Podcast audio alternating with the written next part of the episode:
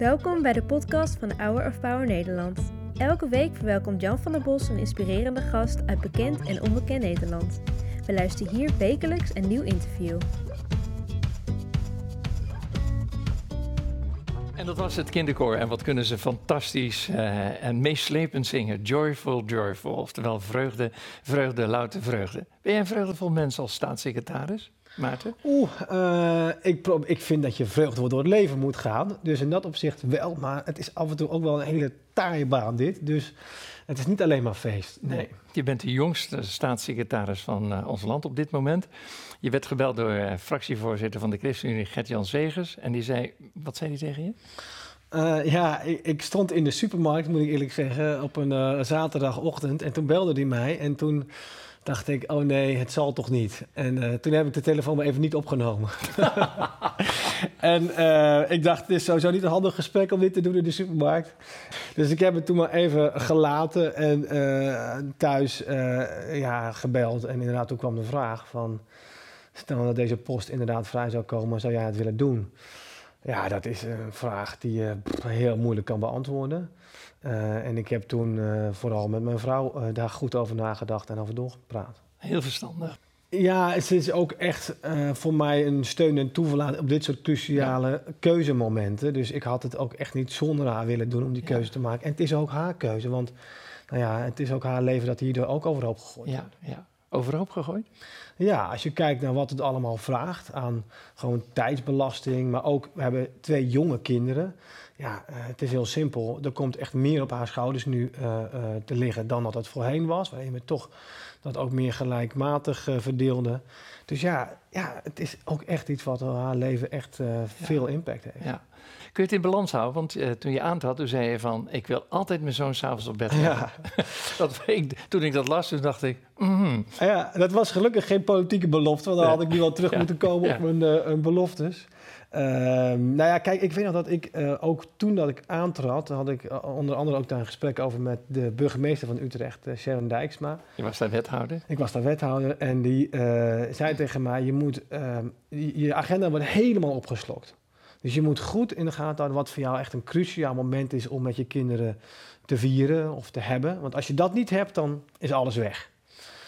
En toen hebben we daar thuis over gehad en toen zeiden wij tegen elkaar: eten, dat kunnen we misschien wel laten schieten. Misschien het ontbijt, of maar één ding, als je maar kind af en toe op bed ligt, want anders dan zie je ze de hele dag niet. En soms is het letterlijk zo dat ik voor de deur meteen naar binnen ga om mijn zoon op bed te leggen en daarna weer terug aan het werk ga. Maar dan heb ik niet op dat moment het. wel gehad. Ja. Je rijdt echt een eind om of uh, onderbreekt een vergadering om je kind op bed te leggen en dan ga je weer terug. Nou ja, soms komt het voor dat ik Ah, gewoon ik naar, naar huis ga om echt dit te doen. En daarna uh, is het of thuis of digitaal gaan we weer vrolijk verder met het werk. Ja. Maar als ik dit moment niet heb, dan heb ik geen moment. Ja. En inderdaad, het lukt zeker niet elke avond. Het was ook wel een beetje van, oh ja, als je me hoog inzet, dan kom je misschien Ja. nog echt halverwege uit. Ehm, maar eh, het is wel een cruciaal moment. Ja. Ja. Je bent politicus. Ben je dat in hart en nieren? Nee, eigenlijk niet. Oh, Nee, nee, eigenlijk niet. Kijk, voor mij de politiek is meer een manier geweest om uiteindelijk je in te zetten voor de samenleving. En misschien nog wel eh, eigenlijk eerlijker je in te zetten voor iemand naast je. En via de politiek is het een enorme omweg. Namelijk via beleid en via wetgeving. Maar dat is de hartstocht. Namelijk, Ja. wat doe je voor diegene naast je? En ja, als ik het niet via de politiek zou eh, doen, dan zou ik het op een andere manier vorm willen geven. je bent staatssecretaris eh, met drie onderdelen in je portefeuille. Ja, er zitten allemaal onderdelen in mijn portefeuille. Een van de belangrijkste is dat het gaat om jeugdzorg. Uh, dus mm, nou ja, dat kunnen allerlei vormen van jeugdzorg zijn. Van een beetje hulp van iemand die je opvoedondersteuning geeft. Tot ook hele zware vormen van jeugdzorg, waar bijvoorbeeld Ja. kindermishandeling speelt. Dus dat is een hele grote, brede portefeuille. Waar ook heel veel aan de hand is. Waar Ja. mensen vast ook veel over het nieuws inzien. Van Ja. jongen, jongen, jongen, dat gaat toch helemaal niet zo goed daar. Nou, dat klopt. Kun jij dat veranderen? Ehm, ik kan er hopelijk een bijdrage aan leveren om het te verbeteren. Als ik terug mag kijken, zometeen over een paar jaar, en ik zie dat de dingen verbeterd zijn, dan is dat al de weg vooruit. Ik ga niet beloven, en ik kan het ook niet waarmaken, dat het over een paar jaar echt, dat die, dat die grote veranderingen er allemaal doorgevoerd zijn. Maar als we maar gezien hebben dat we elk jaar een stap vooruit zijn gegaan en niet verder teruggekacheld zijn. Je bent wel enthousiast erover, hè? Ik wil het zo dolgraag, want ik zie, ik, ik kom net nog weer bij een jeugdhulpinstelling vandaan. Ik zie gewoon hoe kaart het nodig is. En ook medewerkers in de jeugdzorg die snakken naar die verandering. Want die zeggen, ik loop gewoon tegen de grenzen op van de wet, tegen de grenzen van beleid, tegen de grenzen van wat gemeenten wel of niet vragen. Uh, kinderen die je beter wil helpen. Er is zoveel, ja, je mag het wel zeggen, denk ik, nood. Ja, dit kunnen we ook niet uh, op deze manier laten voortmodderen. Jeugdzorg is ook jongerenzorg. Ik vroeg aan een vriend van mij, wat zou jij willen zeggen tegen de staatssecretaris? Ik mag het voorlezen. Wow, is van, ben van benieuwd. iemand die we beide goed kennen, Jan Hol, de voorzitter van de Raad van Bestuur van de Hogeschool Ede, met eh, tienduizenden leerlingen. eh, die ook kijken van wat gaat in de leerlingen om, om iets aan jou voor te leggen. Ik zie toch wel een behoorlijk percentage van studenten in ons land die somber gestemd zijn, omdat ze het beeld hebben dat er geen prettige toekomst op hen wacht. Dat de maatschappij hen soms niet nodig heeft en dat ze zich via sociale media eindeloos moeten vergelijken met leeftijdgenoten. En dat er straks geen water, zuurstof en vrijheid meer zal zijn. Uh, ja, je moet proberen die perceptie te laten gaan en te laten zien wat wel mogelijk is. En dat je het niet alleen hoeft te doen. Dat er anderen zijn en ook de anderen. En dat ze aan het evangelie hoop mogen ontlenen. Ik uh, denk dat de christelijke hoop twee benen heeft. Het eerste been is woede over de situatie zoals die is. Dat merk ik ook vaak, hè, de woede. Het tweede been is moed, om niet in het bestaande te berusten. Ja, prachtig. Nou, ik herken heel erg dat beeld dat ook veel jongeren uh, ja, mentaal wel in de knoop zitten. Ook als je naar de cijfers kijkt, die zijn best wel heel dramatisch. Ongeveer de helft van de jongeren kan met mentale klachten, waarvan ongeveer 10% echt serieuze. Ja, de helft van de jongeren. Dus dat is enorm. Dus ik zeg ook wel eens tegen mensen: loop eens een schoolklas in of een collegezaal en deel hem eens in tweeën en zeg maar die ene helft die loopt met mentale klachten. Waarvan ongeveer 10% of zelfs nog wel wat meer serieuze mentale klachten heeft. Hè. Dus waar echt zware depressiegevoelens zijn of suïcidegedachten. Dat is enorm. En dat komt inderdaad ook door het beeld wat Jan hier schetst. Dat heeft te maken met sociale media. Het heeft te maken met toekomstperspectief. Of mensen zeggen, ja, is er zometeen uh, een plek op de aarde uh, voor mij? Hè? Is er zuurstof? Is er voedsel? Uh, noem maar op. Gewoon hele basale dingen. Is er een plek op de arbeidsmarkt? Ja. Dus het is toekomstperspectief, het is sociale media. Uh, en we hebben echt ook daar wel een, nou ja, om terug te komen op hoop, hoop te bieden aan jongeren. Dat er wij er met z'n allen ook voor gaan, dat er ook voor hen een plek is, een goede plek is om ook hun kinderen voor te brengen. Ja, je schrijft hoop met kleine letters en hoofdletters, denk ik. Absoluut. Je hebt hoop van, ik hoop dat het beter gaat. Hè? Dus ik hoop dat het verandert. Maar ik ken ook in mijn eigen leven heel veel mensen die echt met serieuze klachten zijn, waarvan je eigenlijk weet, die hoop met kleine letters, nacht, die is morgen, het is morgen niet beter dan vandaag. Die schulden zijn niet morgen opgelost. Of die grote ellende in de jeugdzorg is niet morgen opgelost. Maar dan heb je een andere hoop, namelijk de hoop dat je weet dat je je vast kan houden aan een perspectief dat er misschien niet vandaag of misschien niet morgen is, maar misschien er wel is op sommige momenten. Bijvoorbeeld het ene moment waar je je wel aan vast kan houden. En dat is hoop die ja, uitstijgt boven, ik hoop dat het beter gaat. Dat is hoop die, nou ja, ook in je hoofd zit en die mentaal is. En dat is zo krachtig, ja, dat kunnen we ook met beleid en in de politiek niet vormgeven. Dat is ook iets geestelijks, denk ja. ik. Ja, over gesproken, je bent christenpoliticus. Je bent een staatssecretaris met een christelijke, duidelijke christelijke achtergrond. Wat is geloof voor je? Het perspectief dat ik weet dat um, God zich bemoeit met mijn leven. En dat niet alleen. Misschien het allerbelangrijkste, zoals Henry Nou het eigenlijk ook zegt, uh, dat God van je houdt. Dat is de kern van waar het uiteindelijk om draait. En het besef dat je geliefd bent door de schepper van hemel en aarde, dat is voor mij de kern van geloven. Ja. Elke zondag hoor je in deze uitzending het credo van Henry, zijn lijfspreuk. Die was, het is niet wat je doet, het is niet wat je hebt, ja. het is ook niet wat anderen van je zeggen. Dit is wie je bent, Gods geliefde kind. Ja, ja. Ja, dat is zo prachtig. Ik heb Henry nou nooit gekend. Ik heb hem nooit, ben hem nooit tegengekomen. Ik heb zelfs bijna niks van hem op uh, film gezien. Maar ik heb eigenlijk al zijn boeken ja. uh, gelezen. En ik ben enorm onder de indruk van wat hij allemaal geschreven heeft. En het is voor mij eigenlijk, ik mag bijna zelfs wel zeggen, dag in dag uit een leidraad voor hoe ik in het leven sta. Wow. En um, hij heeft zoveel waarde achtergelaten uh, waar wij uit kunnen putten. Um, daar put ik ook uit in mijn politieke loopbaan, maar zeker ook in mijn persoonlijke leven. Ja. Ik heb hem heel goed gekend. Was bij zijn overlijden en al die jaren daarvoor opgetrokken. En het is ook voor mij uh, ja, een van de grote leermeesters in mijn leven. Die heeft laten zien dat dingen soms heel anders zijn dan dat je zelf denkt. In je eigen Ja. arrogantie. Ja. Wat zo mooi is ook aan Henry Nouwen is, misschien zijn er vandaag mensen wel jarig, je weet het Ja. maar nooit.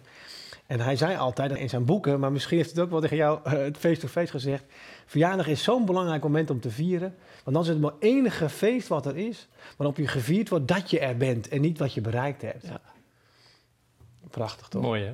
Ja. Jij gaat af en toe naar het klooster om de stilte op te zoeken. Ah, ja. Ja, toch? ja, dat klopt, dat klopt. Kijk, ik vind ik, dat ik, je... ik zie jou helemaal niet in een klooster en de stilte. Het is ook niet de bedoeling dat je dat ziet. Dus dat is ook de bedoeling ervan. Stel voor dat zo'n onrustmaker er even bij kwam. Precies, op een televisiecamera. Ja. Dat zou helemaal erg zijn. Nee, ik denk dat het ehm, nodig is om de rust te zoeken, de stilte te zoeken. Jezus deed het zelf natuurlijk ook. Hè? Ja. Hij ging ook de berg op om te bidden. Nou, waar- waar kunnen we een groter voorbeeld aan nemen dan dat Jezus dat deed? Ik zoek de stilte ook op, de rust op. Het is ook een moment om even je af te zonderen van alle geluiden om je heen, alle ruis, alle ja, grootspraak, verwarring, chaos. Om gewoon echt even die stilte op te zoeken. En eh, ik doe het eigenlijk ook al veel langer. Dus niet dat ik daar pas mee begonnen ben toen ik staatssecretaris werd. Maar ik doe het al veel langer. En vaak ook op de momenten dat ik weet dat er een groot besluit aankomt. Of dat ik een keuze moet maken of op een kruispunt sta in mijn leven. En dan, ja, dan zoek ik de stilte, dan zoek ik de rust, dan zoek ik ook God om wijsheid te geven. Dat is eigenlijk altijd mijn grootste gebed. Heer, geef me wijsheid. Wat ik mooi vind is dat je niet voor de bühne, maar dat je heel betrokken bent bij degene die aan de zelfkant van het leven staan. Je vertelt dat over, over jongeren, over kwetsbare kinderen.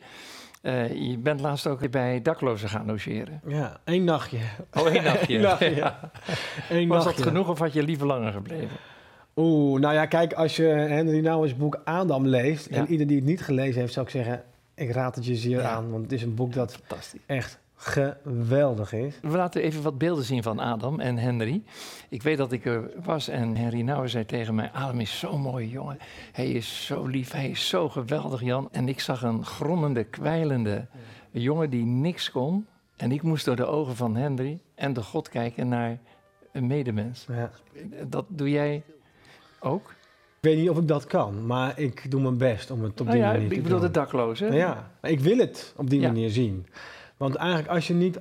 Als je op die ogen kijkt, dan zie je echt iets anders in dezelfde mens. Ik zit ook in een kerk die heel betrokken is bij mensen met allerlei problemen... die dag in dag uit maar voortmodderen. En ehm, als je op die manier naar hen kijkt, zoals Henry mij ook heeft geleerd... door zijn boeken om op die manier te kijken... dan zie je andere levens, dan zie je andere mensen, dan zie je andere gezichten. Dus dat is...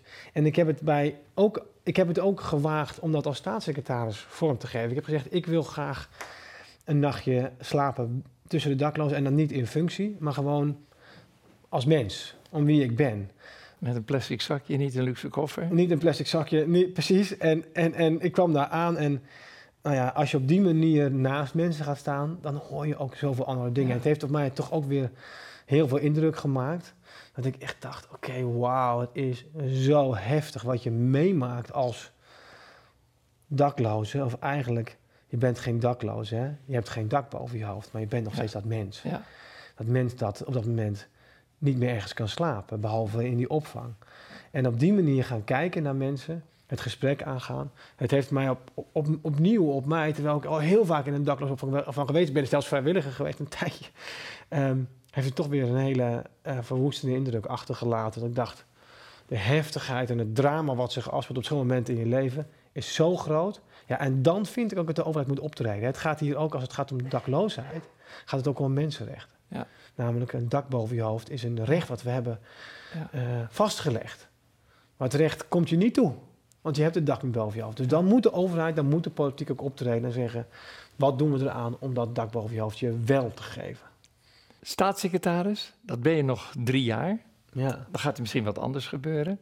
Eh, wat hoop je dat jouw legacy is? Wat je, wat, wat zijn de drie speerpunten die je wilt bereiken? Het eerste is, ik hoop dat mensen hebben gezien dat de jeugdzorg in Nederland stap voor stap is verbeterd.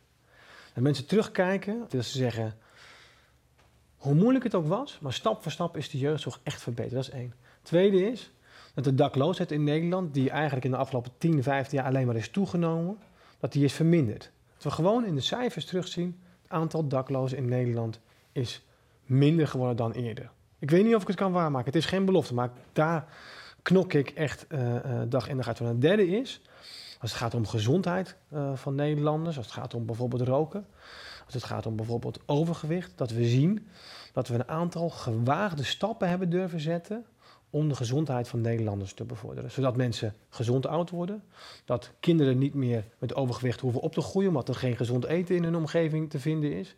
Dus dat we een aantal gewaagde stappen hebben durven zetten. En dat in crisistijd. En dat in crisistijd. Ja. Ik wens je Gods uh, onmisbare zegen daarbij toe. En ik laat je niet met lege handen terugkeren naar het ministerie.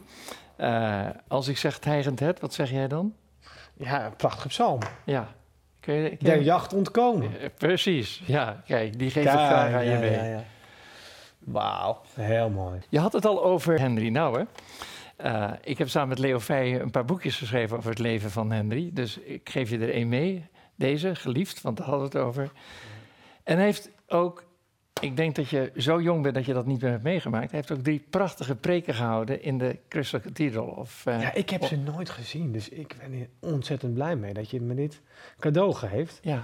Heel mooi. Oké, okay. Maarten, dank en uh, alle goeds. En uh, wij gaan naar Shepherd Grove.